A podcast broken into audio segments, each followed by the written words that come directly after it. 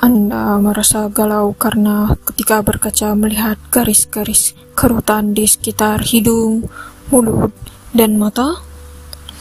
Anda merasa khawatir karena usia Anda yang terus bertambah menandakan Anda semakin menua?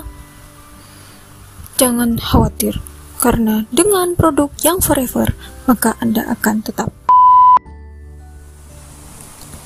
Assalamualaikum, selamat pagi, selamat siang, selamat sore, selamat malam pendengar semuanya. Gimana tadi dengan intro yang saya buat? Pasti pada cringe ya dengernya.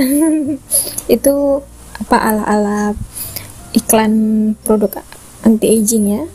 Karena hari ini aku mau bahas tentang kandungan-kandungan yang ampuh untuk melawan tanda-tanda penuaan sih. Masih masalah kulit lagi ya nih pembahasannya. Lah kemarin kan bahas tentang yang uh, kandungan yang aman dan tidak aman pada bumil dan busui. Sekarang aku mau bahas yang lebih spesifik ke masalah penuaan. Karena juga ini adalah masalah yang membuat aku galau ya. Lately apalagi udah lahir dua anak itu makin kerutan tuh setiap kali ngaca aduh berasa insecure ini apa? Ini di sekitar apa garis smile lines ya? Apaan ini? Dulu ngeliat foto-foto zaman masih kuliah masih SMA kagak ada ini. Kenapa ada ini ya? Ya kalau teman-teman ada yang merasakan hal yang sama gak cuma perempuan pasti laki-laki juga. Beberapa pasti ada yang galau nih. Kok gak seganteng dulu ya? Nah sama. Kita memiliki nasib yang sama. Tapi tenang uh, dengan bahasan kali ini mudah-mudahan bisa memberikan sejumput ide supaya bisa memilih produk-produk apa ke depannya supaya uh, penuaan ini setidaknya bisa direm dikit gitu. Biar bisa lebih terlihat sehat. Jadi menua dengan sehat gitu. Tidak tua sebelum waktunya. Nah kandungan apa saja yang uh, akan kita bahas pada hari ini? Ayo lanjut Oke, untuk yang antioksidan dulu ya. Jadi anti apa kandungan yang memiliki sifat antioksidan itu bisa biasa kita temukan pada berbagai jenis vitamin, pada juga flavonoid dan isoflav, isoflanol. Isoflanol, aku lupa namanya. Pokoknya itu nanti aku bahas juga. Pertama vitamin dulu. Nah, vitamin yang paling sering kita temukan sehari-hari ya dalam bentuk produk maupun dalam makanan juga itu adalah vitamin C yang mana dia memiliki sifat antioksidan yang poten. Dia tidak hanya berfungsi untuk kekebalan tubuh ya tapi juga sangat bermanfaat banget untuk kesehatan kulit. Di mana sebelum kita bahas dulu nih tadi kan uh, aku udah bilang ya kalau penuaan bisa dipengaruhi oleh paparan sinar UV itu UVA maupun UVB mengapa? Karena ketika kulit kita itu terpapar oleh UVA dan UVB dalam waktu yang lumayan lama dan uh, apa ya dengan yang sangat parah gitu maksudnya sangat panas gitu nah dia dapat menghancur UVA dulu nih UVA itu bisa menghancurkan kolagen, elastin dan juga struktur sel-sel yang ada di lapisan dermis kulit kita. Sedangkan UVB dapat menyebabkan kulit terbakar, terus juga terciptanya radikal bebas di dalam jaringan kulit bisa menyebabkan mutasi sel dan bahkan bisa berisiko menyebabkan kanker kulit. Nah, hanya saja penggunaan sunscreen sebagai proteksi diri kita terhadap uh, sinar UV ini biasanya hanya hmm, mungkin 55% gitu. Jadi makanya kita tetap perlu asupan vitamin, terutama vitamin C yang mana dia juga bisa bersifat uh, protection atau melindungi terjadinya terbentuknya radikal bebas akibat paparan sinar matahari. Nah, itu dia tadi kenapa vitamin C ini sangat bagus selain untuk uh, kesehatan tubuh juga untuk masalah penuaan bisa juga sebagai untuk pencerah wajah gitu. Karena si vitamin C itu memiliki efek juga mengurangi degradasi kolagen atau berkurangnya jumlah kolagen dalam sel kulit dan juga dia memicu terjadinya sintesis, sintesis kolagen pada kulit sehingga itu sangat berefek ya pada pencegahan penuaan dini terutama akibat paparan sinar matahari. Sehingga banyak produk-produk berupa suplemen maupun yang uh, sifatnya topikal ya atau oles ya yang mengandung vitamin C yang sekarang beredar luas baik yang diresepi maupun kita bisa jangkau sendiri ya tanpa resep. Bisa kita beli sendiri. Tapi hati-hati karena dosis yang berlebihan dari intake vitamin C juga nggak baik. Kan banyak nih beredar uh, suntik-suntik vitamin C. Kalau itu tidak dilakukan oleh tenaga profesional dan kita asal-asal beli aja itu bisa berbahaya ya karena kandungan yang berlebihan juga beresiko terhadap gangguan ginjal jadi kalau teman-teman yang mau melakukan terapi uh, memasukkan vitamin C secara injeksi itu baiknya konsultasi dulu terhadap dokter ataupun pakar yang lebih uh, profesional lah yang tahu keamanan dari produk tersebut. Itu tadi vitamin C, selanjutnya vitamin lain yang juga memiliki sifat antioksidan yang baik adalah vitamin E. Di mana vitamin ini memiliki fungsi sebagai anti peradangan, bisa melembutkan permukaan kulit, meningkat, meningkatkan kelembaban juga sebagai pelindung dari dampak buruk juga oleh paparan sinar matahari. Nah, ada seorang peneliti bernama Murray pada tahun 2008 penelitiannya mengatakan bahwa efek vitamin E ini akan lebih bekerja bila dikombinasikan bersama dengan vitamin C. Jadi, kalau misalkan vitamin E doang ini masih kurang mempan, jadi baiknya dikombinasikan dengan vitamin C.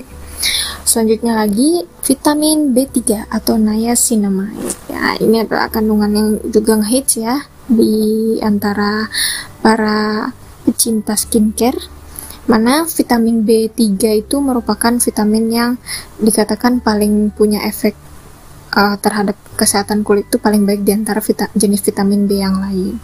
Nah, ini ada penelitian yang disadur dari Journal of Cosmetic Dermatology dikatakan bahwa uh, efeknya niacinamide itu adalah dia bisa menyebabkan peningkatan sintesis protein yang mana dengan protein ini dia memicu untuk pembentukan kolagen. Selain itu dia juga mempunyai efek stimulasi sintesis ceramide. Ceramide ini juga kandungan yang bakal aku bahas uh, selanjutnya dan juga dia bisa memperbaiki, memperbaiki struktur permukaan kulit, menghaluskan kerutan kulit, serta mencegah resiko terjadinya kanker kulit akibat paparan sinar UV. Keren banget nggak tuh?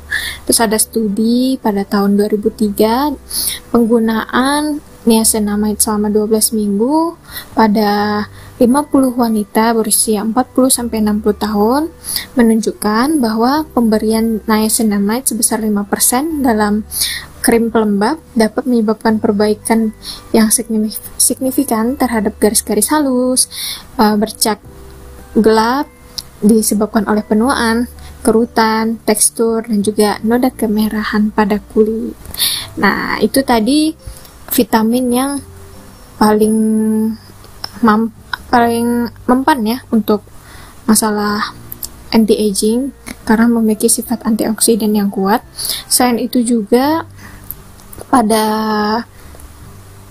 teh hijau itu kita bisa dapatkan uh, kandungan polifenol beserta dari soya juga ada kandungan isoflavon bilang isoflenol isofenol isoflavon yang juga memiliki efek antioksidan yang baik. Karena itu juga kita udah sering kan lihat produk-produk yang uh, kandungan esensinya itu dari green tea. Ternyata efek untuk anti agingnya juga bagus.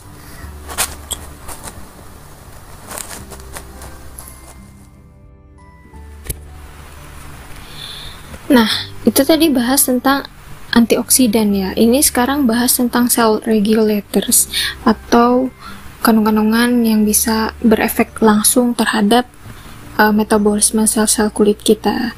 Nah, yang pertama mau aku bahas adalah retinoid. Lagi-lagi retinoid, retinoid lagi-lagi. Retinoid ini selain dia uh, fungsinya sebagai cell regulators, dia juga punya fungsi antioksidan antioksidan juga. Jadi keren banget nih sebenarnya. Nah jadi si retinoid ini banyak ya jenisnya.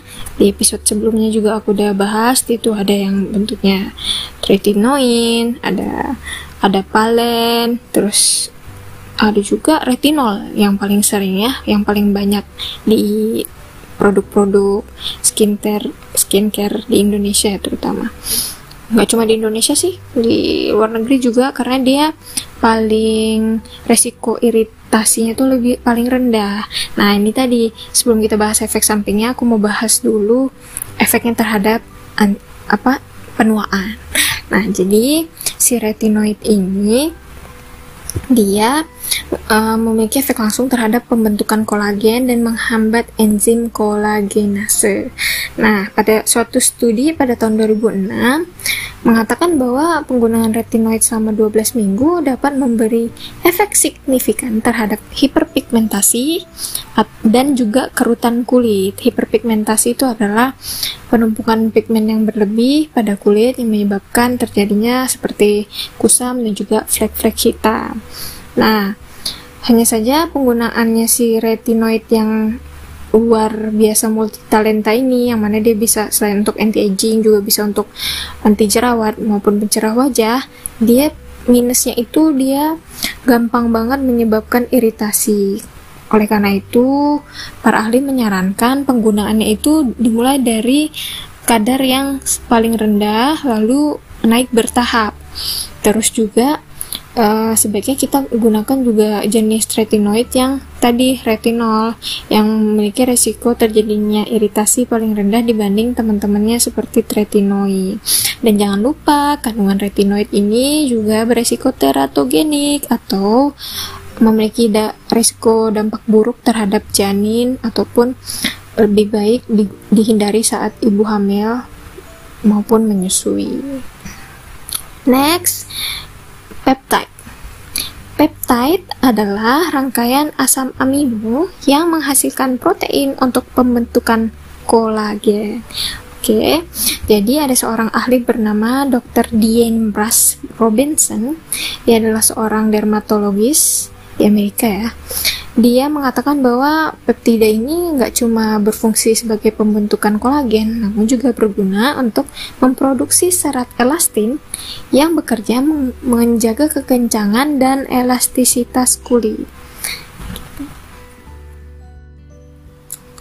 Selain itu, peptide juga punya efek yang mana dia memiliki enzim yang bekerja menghambat kerusakan kolagen alami pada kulit. Karena itu juga jangan lupa kita masukkan peptide dalam list ingredient uh, untuk produk skincare anti aging kita ya. Selanjutnya ceramide. Nah, udah banyak juga produk-produk seperti skincare dari Korea ya, terutama yang memiliki fokus pada kandungan ceramide. Mana ceramide adalah lipids atau lemak. Yang sebenarnya dihasilkan secara alami pada kulit kita yang mana dia merupakan 50% dari komposisi kulit kita. Hanya saja bila pen, seiring dengan peningkatan usia uh, si ceramide ini juga menurun di dalam sel-sel kulit kita komposisinya. Padahal dia punya fungsi yang sangat baik karena memiliki peran penting dalam melindungi kulit dari paparan sinar UV. Dan juga dia memiliki peran di mana dia mengikat sel-sel kulit menjadi satu, membentuk lapisan pelindung yang menahan kelembapan, membuat kulit menjadi kenyal, serta menjaga kulit dari bakteri dan ancaman kulit-kulit yang lainnya. Selain itu, ceramide juga sering digunakan loh untuk uh, penyakit seperti eksim maupun psoriasis. Jadi, si ceramide ini uh, termasuk kandungan yang nggak boleh kita lewatkan untuk hal masalah melembabkan ya, karena pada dasarnya kulit yang kering itu lebih mudah rusak. Ini aku mau ibaratin aja kayak tanah ya. Nih bayanginnya tanah mohon maaf nih. Uh, mengumpamakan kulit wajah dengan tanah. Pernah lihat kan kalau lagi musim kemarau tanah tuh nggak dihujanin itu pada retak-retak. Nah kayak gitulah.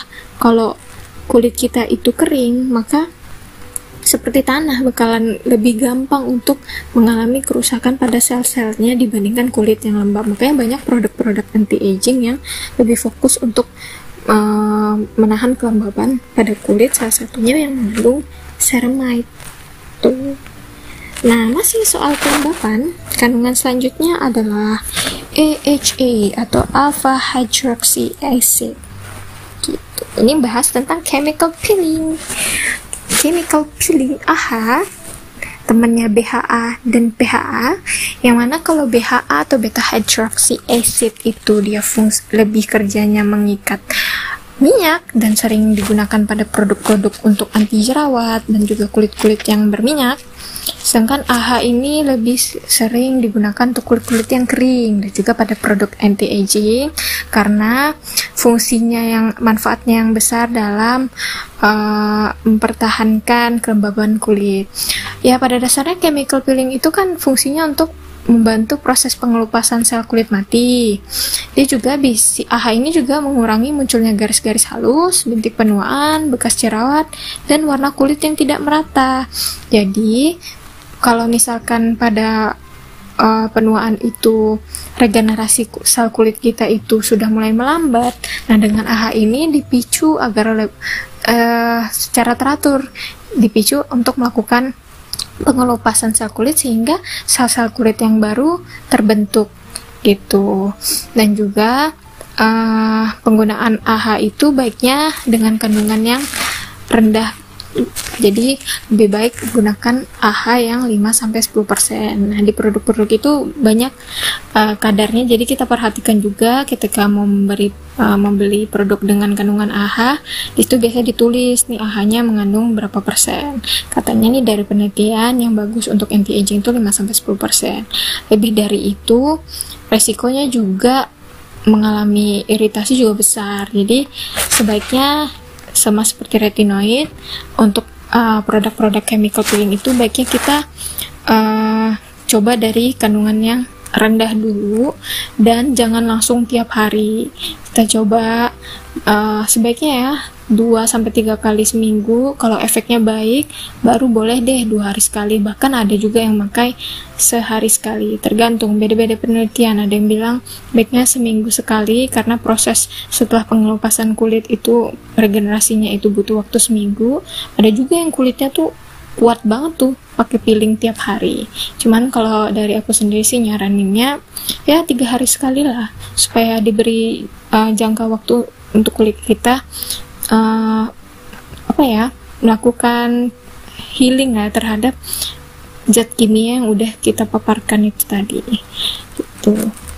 Lanjut asam hyaluronet atau hyaluronic acid HA kandungan HA ini juga fungsi utamanya itu untuk melembabkan kulit mencegah munculnya kerutan, meningkatkan elastisitas kulit, dan mendorong pertumbuhan kolagen. Nah, jadi jangan lupa eh, dan teman-teman tahu gak sih hyaluronic acid ini juga yang digunakan sebagai kandungan utama untuk filler ya. Jadi yang filler-filler hidung, filler dagu itu yang disuntikin ya biasanya ya si hyaluronic acid ini karena dia bisa membuat kulit kita tuh terlihat terisi penuh gitu lampi gitu. Tapi yang di sini aku mau bahas kan lebih ke kandungan produk skincare ya, tapi yang lebih ke terapi seperti filler ataupun terapi laser untuk masalah penuaan itu mungkin bisa untuk episode-episode selanjutnya gitu. Itu tadi kandungan-kandungan yang dalam skincare yang ampuh untuk melawan tanda-tanda penuaan. Selain itu ya paling terakhir aku juga saranin jangan lupa pakai sunscreen nah ini yang paling penting banget sih menurut aku dan aku sebenarnya nyesel banget kenapa dulu waktu zaman kuliah di Aceh ya yang mana mm, iklimnya itu cenderung panas terus itu aku bolong-bolong pakai sunscreen dan kerasa banget. Kenapa dulu nggak rajin pakai sunscreen yang efeknya itu? Luar biasa ya. Karena tadi kan udah aku paparkan juga gimana cara kerja sinar UV merusak kolagen di dalam tubuh kita eh di dalam sel kulit kita. Nah dengan kita pakai sunscreen minimal yang SPF 15 aja itu kita bisa mencegah ya resiko terjadinya kerusakan kolagen pada kulit. Tuh, bahkan ketika nggak kita keluar rumah pun kita siang hari sebaiknya menggunakan ya. Karena kalau teman-teman tahu orang-orang Korea itu paling wajib banget pakai sunscreen bahkan ada juga yang malam pun pakai malam tuh maksudnya sore ya yang mereka di mana mereka masih um, ada resiko terkena paparan sinar matahari itu mereka beneran an anti banget udah kayak vampir. Dan mereka selalu reapply tiap berapa jam sekali karena memang sunscreen itu ya tiap berapa jam sekali dia bakalan terserap jadi kita harus apply lagi supaya proteksi diri terus. Ibaratnya kalau kita kayak hujan nih hujan pakai payung kan kita harus pakai payung sampai hujannya berhenti nggak mungkin nanti udah kita ngelepas payung padahal masih hujan ibaratnya kayak gitulah. Nah jadi aku saranin juga sebagai uh, pencegahan untuk penuaan nggak cuma buat kita kita yang umurnya udah 25an ke atas 25an ke atas tapi juga buat teman-teman mungkin yang usianya masih remaja jangan lupa pakai sunscreen ya itu sebagai pencegahan utama terhadap penuaan. Oke mungkin itu aja dulu ya bahasan tentang kandungan untuk produk anti-aging. Kali ini kalaupun ada kurang-kurang yang pastinya banyak kurang-kurangnya mohon dimaafkan. Mungkin ada yang mau diskusi juga tentang berbagai kandungan yang mau digunakan terkait dengan masalah penuaan ini bisa DM di Instagram ataupun bisa main-main ke blog aku karena aku juga nulis tentang artikel ini eh artikel tentang ini. So see you in the next episode. Thank you for listening. Assalamualaikum. Bye bye